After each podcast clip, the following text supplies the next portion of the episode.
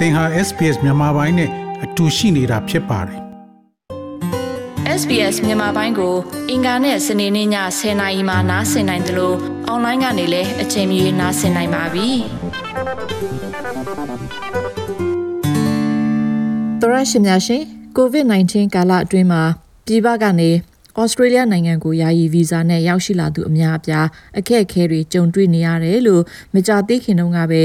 Union New South Wales ကနေပြုလုပ်တဲ့စစ်တမ်းရလာမှာဖော်ပြထားပါတယ်။စစ်တမ်းမှာဖြည့်ဆို့သူ89ရာခိုင်နှုန်းက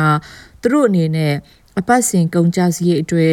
လုံလောက်အောင်လုပ်ဖို့အခက်အခဲရှိတယ်လို့ဖြည့်ဆို့ကြပြီးတော့43ရာခိုင်နှုန်းကတော့အစားကိုနှက်မှန်အောင်မစားတာမျိုးတွေပုံမှန်လှုပ်ဆောင်နေရတယ်လို့ဖြည့်ဆို့ထားကြပါတယ်။ အဲ့ဒီတော့ဒီလိုအခက်အခဲများတဲ့ကာလအတွင်းမှာငွေရေးကြေးရေးနဲ့ပတ်သက်ပြီးဘယ်လိုလှုပ်ဆောင်နိုင်တယ်လဲဆိုတာကိုရေးထားတဲ့ဆောင်းမရှင်အီမီချန်ယူဝမ်ရဲ့ဆောင်းပါးကိုတင်ဆက်ပေးမှာဖြစ်ပါတယ်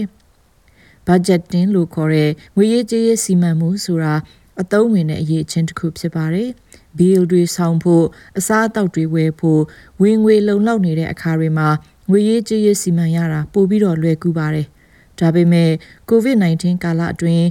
အစားအစာရယုံဘီလ်တွေပေးနိုင်ယုံနဲ့အိမ်လခတွေပေးနိုင်ယုံအခြေအနေရောက်ဖို့တော့မနှဲရုံကန်နေရသူတွေအများပြားရှိလာပါတယ်။အဲ့ဒီအထဲမှာပြည်ပကနေလာရောက်ပညာသင်ယူနေကြတဲ့နိုင်ငံတကာကျောင်းသားတွေနဲ့ပြည်ပကနေလာရောက်အလုပ်လုပ်ကိုင်သူတွေဖြစ်ကြတယ်လို့လည်း National Debt Helpline အဖွဲ့ကငွေရေးကြေးဝန်ဆောင်မှုပေးသူ Kane Johnson ကပြောပါတယ်။ we're getting a lot of calls from people who have no income at all and are just struggling to pay for day-to-day essentials. ဘာဝင်ငွေမှမရှိတော့တဲ့လူတွေစီကနေဖုန်းဆက်လာတာမျိုးတွေအများကြီးရှိပါတယ်။သူတို့တွေဟာနေ့စဉ်အတွက်လိုအပ်တဲ့အစားအသောက်တွေအိမ်လခတွေရေပိုးမီးပိုးတွေအတွက်အခက်အခဲရှိနေကြတယ်လို့ပြောပြထားတာဖြစ်ပါတယ်။မတ်လနောက်ပိုင်းနဲ့ဧပြီလအစောပိုင်းတုန်းက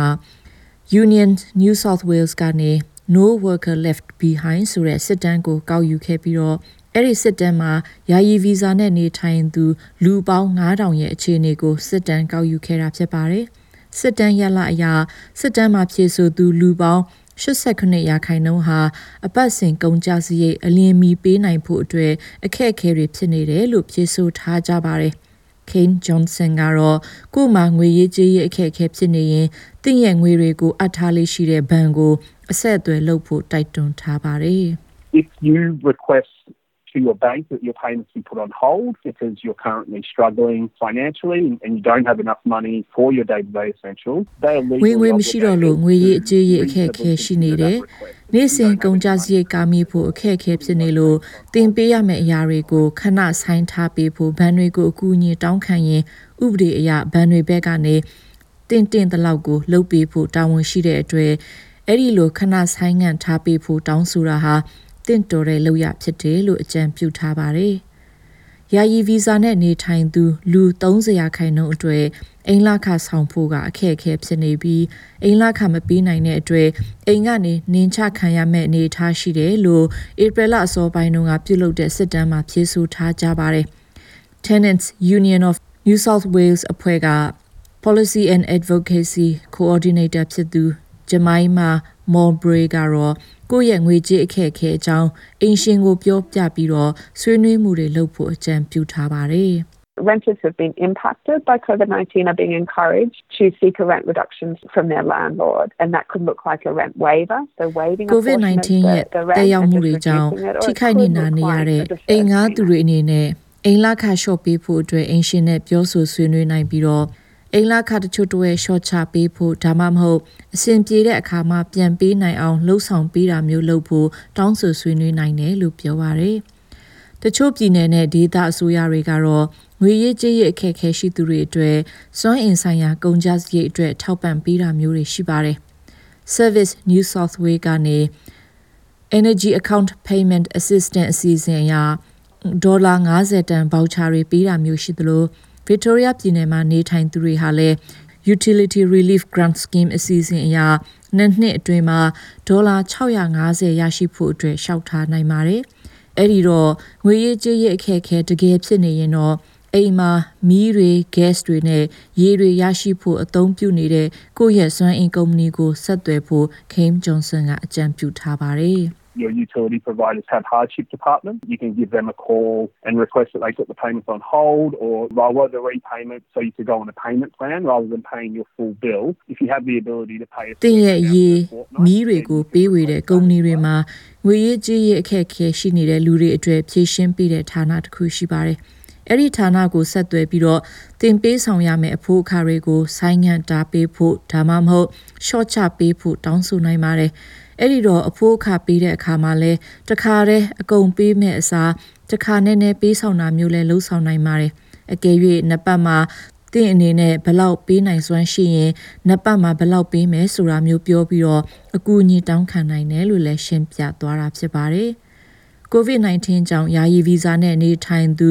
လူ65ရဲ့အလုပ်ပြုတ်နေကြရတယ်လို့လည်း Union New South Wales ရဲ့စစ်တမ်းမှာဖော်ပြထားပါတယ်။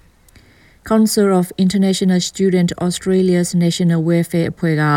ကာဆန်ကာလဟာရာကတော့ငွေရေးကြေးရေးအခက်အခဲရှိတဲ့နိုင်ငံတကာចောင်းသားတွေအနေနဲ့စူပါမှာစုဆောင်ထားတဲ့ငွေကြေးတွေကိုထုတ်ယူသုံးစွဲနိုင်တယ်လို့အစိုးရကခွင့်ပြုထားပေမဲ့လည်းအဲ့ဒီငွေတွေကသူတို့ရဲ့အခက်အခဲကိုမကာမိစေဘူးလို့ပြောဆိုထားပါတယ်။စစ်တမ်းအရလူပေါင်း65ရာခိုင်နှုန်းလောက်အလုတ်ပြုတ်ကြတဲ့အကြောင်းဖော်ပြထားသလို 25ရာခိုင်နှုန်းကတော့အလုတ်ချိန်တိတိတတ်တာရှော့ချခံရကြတယ်လို့ဖြေဆိုထားကြပါတယ်။စစ်တမ်းမှာပါဝင်ဖြေဆိုသူ39ရာခိုင်နှုန်းကတော့သူတို့ရဲ့အခက်အခဲကိုဖြေရှင်းဖို့အတွက်သူတို့ရဲ့မိသားစုဝင်တွေတငယ်ချင်းတွေချစ်သူရည်စားအိမ်အောင်ဘဲတွေကိုမိခိုနေရတယ်လို့လည်းဖြေဆိုကြပါတယ်။ဒါပေမဲ့ COVID-19 ကာလအတွင်းအဲ့ဒီလိုမိခိုမှုတွေကရေရှည်ခံမဲ့အရာတွေမဟုတ်ဘူးလို့လည်းကာဆန်ကာဟာရာကပြောပါတယ် Mostly, we know international students are supported by their parents, and parents back home might have been affected by the COVID 19 as well. So, parents အများ are အဖြစ်သိရတာကတော့နိုင်ငံတကာចောင်းသားတွေဟာသူတို့ရဲ့နိုင်ငံမှာကြန့်ရှိနေသေးတဲ့မိဘတွေကအဝေးကနေသူတို့ကိုထောက်ပံ့နေရတာဖြစ်ပေမဲ့ အဲ့ဒီမိဘတွေဟာလည်း COVID-19 ရဲ့တက်ရောက်မှုကိုခံစားကြရတာဖြစ်ပါတယ်။အဲ့ဒီတော့ကိုဗစ်ကာလအတွင်းမှာမိဘတွေကိုယ်တိုင်ဟာလည်းနိုင်ငံတကာចောင်းသားတွေကိုပံ့ပိုးဖို့အခက်အခဲရှိနေတဲ့အနေအထားမှာရှိနေတာလို့ပြောပြထားပါတယ်။ဩစတြေးလျနိုင်ငံပြည်ထရေးဝန်ကြီးဌာနကနေမကြာသေးခင်တုန်းကပဲနိုင်ငံတကာចောင်းသားတွေအနေနဲ့ COVID-19 ကြောင့်စာကိုကောင်းမွန်စွာမတင်လိုက်ရပဲ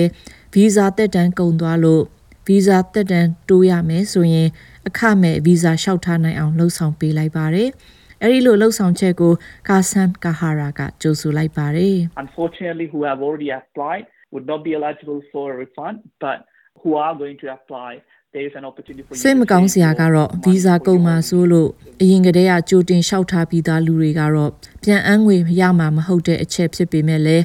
အခုမှဗီဇာတက်တန်းတိုးပေးဖို့လျှောက်ထားမဲ့လူတွေအတွက်ကတော့ ဗီဇာအကြေးမှာတက်တာလို့နေထိုင်စရိတ်အတွက်ငွေအနှဲငယ်ထွက်လာစေမဲ့အခွင့်အရေးတရားဖြစ်တယ်လို့ပြောဆိုလိုက်ပါတယ်။အစိုးရကနေငွေရေးကြေးရေးအခက်အခဲရှိရင်စူပါငွေကို ထုတ်ယူကြဖို့အကြံပြုထားပေမဲ့လည်းတကယ်တော့အဲ့ဒီလိုစုဆောင်းငွေကိုမထုတ်ယူခင်မှာ အရင်ဆုံးငွေရေးကြေးရေးဆိုင်ရာအကြံဉာဏ်ရယူသင့်တယ်လို့လည်း Kane Johnson ကပြောပါတယ် If you take out the $10,000 of your super, you're actually losing a lot more in the long run. But I understand that at the moment, if you don't have any income coming in at all and, and you need that money to အကယ် survive, ၍ then စူ it ပါ may ထဲက be an ငွေ option တစ်သောင်းကိုထုတ်ယူမယ်ဆိုရင်ရေရှည်မှာငွေကြေးအများအပြားဆုံးရှုံးနိုင်ပါတယ်။ ဒါပေမဲ့လက်ရှိကာလမှာဘာဝင်ငွေမှမရှိလို့အသက်ရှင်နေထိုင်ဖို့အဲ့ဒီငွေကြေးကိုလိုအပ်ရင်တော့ထုတ်ယူဖို့စဉ်းစားသင့်တယ်လို့ပြောဆိုလိုက်ပါတယ်။ဩစတြေးလျနိုင်ငံသားတွေအနေနဲ့ငွေရေးကြေးရေးအခက်အခဲဖြစ်ရင်စူပါထဲကငွေတွေကိုနှစ်ကြိမ်လျှောက်ထားခွင့်ရှိပါတယ်။ပထမတစ်ကြိမ်ကိုတော့2020ခုနှစ်ဇွန်လ30ရက်မတိုင်ခင်မှာထုတ်ယူရမှာဖြစ်ပြီးဒုတိယအကြိမ်ကိုတော့ဒီဇင်ဘာလ31ရက်နေ့မတိုင်ခင်မှာထုတ်ယူရမှာဖြစ်ပါတယ်။ တခါထုတ်ယူရင် အများဆုံးဒေါ်လာ1000လျှောက်ခွင့်ရှိတဲ့အတွက်စုစုပေါင်းဒေါ်လာ2000အထိထုတ်ယူခွင့်ရှိတာဖြစ်ပါတယ်။ဒါပေမဲ့ယာယီဗီဇာနဲ့နေထိုင်သူတွေကတော့2019-2020ဘဏ္ဍာရေးနှစ်မှာတစ်ကြိမ်သာထုတ်ယူခွင့်ရှိတာဖြစ်ပါတယ် There are other ways that you could potentially access your super. It is quite difficult, but if you give our service a call, we can talk. စူပါကိုတခြားနည်းတွေနဲ့လည်းထုတ်ယူနိုင်ပါတယ် အဲ့ဒီလိုလုပ်ဖို့တော့ခက်ခဲပါတယ်ဒါကြောင့်ကျွန်တော်တို့ကိုဖုန်းဆက်ဆက်သွယ်ရင်တော့ကျွန်တော်တို့ရှင်းပြနိုင်တယ်လို့လည်း Kane Johnson ကပြောပါတယ်တချို့လူတွေဟာနားမလဲပဲလှုပ်ဆောင်ရင်းနဲ့ဒဏ်ကြေးအများအပြားပေးဆောင်ရတာမျိုးရှိတဲ့အတွက်ငွေရေးကြေးရေးအခက်အခဲတွေကြားကနေနောက်ထပ်ဒဏ်ကြေးပေးဆောင်ရတာမျိုးမဖြစ်သင့်ဘူးလို့လည်း Legal Aid New South Wales က Work and Development Order Service ရဲ့ လက်ထောက်မန်နေဂျာ Linda Miles ကပြောပါတယ် We have additional laws, the public health order, fines that are being imposed on people, which is about $1,000. So if people don't really speak English, we've seen, especially in central Sydney or in western Sydney. ဥပဒေတွေရှိပါတယ်အများပြည်သူဆိုင်ရာကျန်းမာရေးဥပဒေအရဒဏ်ကြေးဒေါ်လာ1000ဆောင်ခိုင်းတာမျိုးတွေရှိပါတယ်အဲ့ဒီတော့အင်္ဂလိပ်စကားကကောင်းမပြောတတ်တဲ့ အထူးသဖြင့်ဆစ်ဒနီမြို့အလယ်ပိုင်းနဲ့အနောက်ပိုင်းမှာနေထိုင်သူတွေဟာတခြားလူတွေထက်ကိုအများပြည်သူဆိုင်ရာဥပဒေအရဒဏ်ကြေးပေးဆောင်ရတာမျိုးတွေရှိနေတယ်လို့ပြောပါတယ် New South Wales ရဲ့ Work and Order Scheme ဟာ community အဖွဲ့2000လောက်နဲ့ပူးပေါင်းပြီးတော့အလုတ်လုတ်ဆောင်လာတာနှစ်ပေါင်း30ရှိသွားပြီဖြစ်ပါတယ်။ ပေးဆောင်ရမယ့်ဒဏ်ကြေးတွေကိုငွေကြေးနဲ့မပေးဆောင်ပဲလောက်အားပေးဝန်ဆောင်မှုတွေနဲ့အစားထိုးပြီးတော့လောက်အားနဲ့ပေးဆောင်နိုင်အောင်အဲ့ဒီအဖွဲ့ကကူညီပေးတာဖြစ်ပါတယ်။တခြားပြည်နယ်နဲ့ဒေသတွေမှာလည်းအလားတူဝန်ဆောင်မှုတွေပေးထားတာရှိပါတယ်။ So anyone who's in acute economic hardship or on, who has a mental illness or other grounds of eligibility, they can do a WDO and it can clear all အဲ့ဒီတော့စီးပွားရေးအခက်အခဲရှိသူတွေကျန်းမာရေးချို့တဲ့တဲ့သူတွေဒါမှမဟုတ်တခြားနည်းနဲ့ အဲ့ဒီလိုဝန်ဆောင်မှုကိုရနိုင်သူတွေအနေနဲ့ Work and Development Order WDO လုပ်နိုင်ပြီးတော့အဲ့ဒီအစီအစဉ်မှာပါဝင်ရင်ဒဏ်ကြေးပေးဆောင်စရာမလိုတော့ပါဘူးဒဏ်ကြေးဘယ်လောက်အတွက်အများဆုံးဒါမှမဟုတ်အနည်းဆုံးအကျုံးဝင်နေဆိုတာမျိုးလဲသတ်မှတ်ထားတာမရှိဘူးလို့ပြောပါတယ် Info Exchange ဟာ digital နဲ့နည်းပညာပိုင်းဆိုင်ရာကနေတဆင့်လူတွေကိုအချက်လက်တွေရှာကြည့်လို့ရအောင်လှုံ့ဆော်ပေးထားတဲ့အရာဖြစ်ပြီး Ask Easy ဆိုတဲ့အရာကနေတဆင့်လူမှုရေးရာဝန်ဆောင်မှုလုပ်ငန်းတွေကိုကူညီလှုပ်ဆောင်ပေးနေတာဖြစ်ပါတယ်။ COVID-19 ကာလအတွင်းမှာသူတို့အဖွဲ့ကနေတင်ထားတဲ့အချက်လက်တွေကိုရှာကြည့်တဲ့ယာယီဗီဇာသမားတွေအများအပြားရှိလာတယ်လို့အဲ့ဒီအဖွဲ့ရဲ့ CEO David Spriggs ကပြောပါတယ်။ And what people are looking for is just to navigate this really quite complex social services system that we have in Australia. The biggest area of demand that we've seen during the pandemic is people looking for where they can access free food services. So that might be you know, where they can get a free meal. That might be လူတွေရှာဖွေကြတဲ့အချက်လက်တွေကတော့ဩစတြေးလျနိုင်ငံမှာထားရှိပေးတဲ့လူမှုရေးဝန်ဆောင်မှုရဲ့ရှုပ်ထွေးမှုကိုနားလည်စေမယ့်အချက်လက်တွေဖြစ်ပါတယ်။ကာယောဂါကာလအတွင်းလူတွေအများအပြားရှာကြည့်တဲ့အရာက အစားအသောက်တွေကိုအခမဲ့ရနိုင်မယ့်အချက်လက်တွေဖြစ်ပြီးဘယ်နေရာမှာချက်ပြုတ်ပြီးသားအစားအစာတွေကိုအခမဲ့ရနိုင်တယ်ဘယ်နေရာမှာမချက်ရသေးတဲ့အစားထုတ်တွေကိုရယူနိုင်တယ်တခြားအရာတွေကိုဘယ်လိုနေရာမှာရနိုင်တယ်ဆိုတဲ့အချက်လက်တွေကိုရှာဖွေကြတာဖြစ်ပါတယ်အဲ့ဒါအပြင်ငွေရေးကြေးရေးနဲ့ပတ်သက်ပြီးဘယ်နေရာမှာအကူအညီရနိုင်တဲ့အကြောင်းကိုပါရှာဖွေကြတာမျိုးတွေအများအပြားတွေ့ခဲ့ရတယ်လို့လည်းပြောပါတယ်။ coronavirus နဲ့ဆက်ဆက်ပြီး ဖြစ်ပေါ်လာတဲ့စီးပွားရေးအခြေအနေကြောင့်ဩစတြေးလျနိုင်ငံရဲ့ငွေရေးကြေးရေးလုံခြုံမှုအာဏာပိုင်တွေကနေအကျွေးရှင်တွေအနေနဲ့အကျွေးဒေါ်လာ9000ကနေ2000အကြားရှိသူတွေကိုဒေဝလီဆိုင်ရာ bankruptcy notice ရှောက်ထားနိုင်တယ်လို့ခွင့်ပြုထားပါတယ်။ဒါပေမဲ့ Kane Johnson ကတော့ဒေဝလီခန္ဓာကရွေးချယ်စရာတစ်ခုတည်းသောနီလန်းမဟုတ်ဘူးလို့ပြောပြထားပါတယ်။ bankruptcy is not an option that you should jump into without getting advice and weighing up all of your options. It's very common for us to get calls from people who are considering bankruptcy, but then after talking to us, they find that there are ဒီဝလီခံဖို့နီလန်းကိုငွေရေးကြေးရေးဆိုင်ရာအကြံဉာဏ်တွေမရယူခင်နဲ့တခြားနီလန်းတွေရှိနေသမျှကာလပတ်လုံး ဒီဝလီခံဖို့နီလန်းကိုရွေးချယ်ဖို့မတင်ပါဘူးကျွန်တော်တို့စီကိုဖုန်းဆက်လာတဲ့လူတွေဟာငွေရေးအခက်အခဲကြောင့်ဒီဝလီခံတော့မယ်ဆိုပြီးပြောဆိုလာတာရှိပါတယ်ဒါပေမဲ့ကျွန်တော်တို့ ਨੇ စကားပြောဆိုပြီးတဲ့နောက်သူတို့မှာတခြားနီလန်းတွေရှိသေးတယ်ဆိုတာကိုသိလာရတာမျိုးတွေတွေ့ရပြီးတော့ကို့အပေါ်အချိန်အကြာကြီးတက်ရောက်မှုရှိနိုင်တဲ့ဒီဝါလီခံတဲ့နီလန်းကိုရင်ဆိုင်စရာမလိုတော့ဘူးဆိုတာကိုသိလာတာမျိုးရှိတယ်လို့ရှင်းပြခဲ့ပါတယ်။ ငွေရေးကြေးရေးဆိုင်ရာအခက်အခဲတွေနဲ့ပတ်သက်ပြီးတိုင်ပင်ဆွေးနွေးမှုလုပ်လို့ရင် National Debt Helpline ရဲ့ဖုန်းဖြစ်တဲ့1833 333ခွန်333ခွန်ကိုတနင်္လာနေ့ကနေတောက်ကြနေ့အထိမနေ့9နိုင်ခွဲကနေ4နိုင်ခွဲအထိအချိန်မရွေးဆက်သွယ်နိုင်ပါတယ်။ဒါအပြင်အင်္ဂလိပ်ဘာသာစကားအခက်အခဲရှိရင်လည်းဘာသာပြန်တဲ့စကားပြန်ဝန်ဆောင်မှုဌာန Translating and Interpreting Service ရဲ့ဖုန်းနံပါတ်ဖြစ်တဲ့ 131453ကိုဖုန်းဆက်ပြီးတော့ဆိုင်ရာဌာနကိုချိတ်ပေးဖို့တောင်းဆိုနိုင်ပါတယ်။လူမှုရေးဝန်ဆောင်မှုနဲ့ပတ်သက်ပြီးမိမိအနေနဲ့ဘယ်လိုဝန်ဆောင်မှုရယူနိုင်တယ်လဲဆိုတာကိုသိချင်ရင်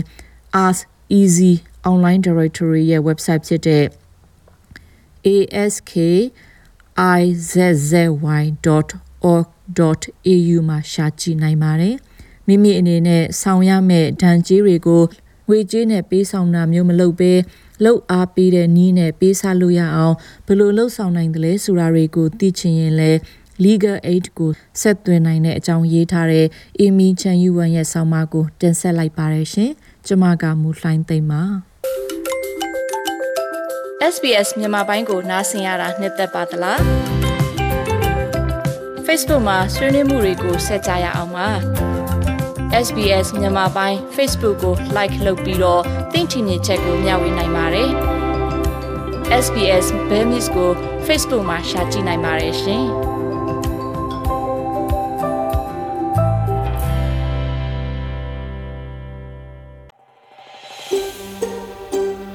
ဒါမျိုးသတင်းဆောင်မတွေကိုပိုနားဆင်လိုပါလား Apple Podcast Google Podcast Spotify တို့မှာ သင်ပင်ရာဖြစ်ဖြစ်ရယူတဲ့ podcast ကနေပါ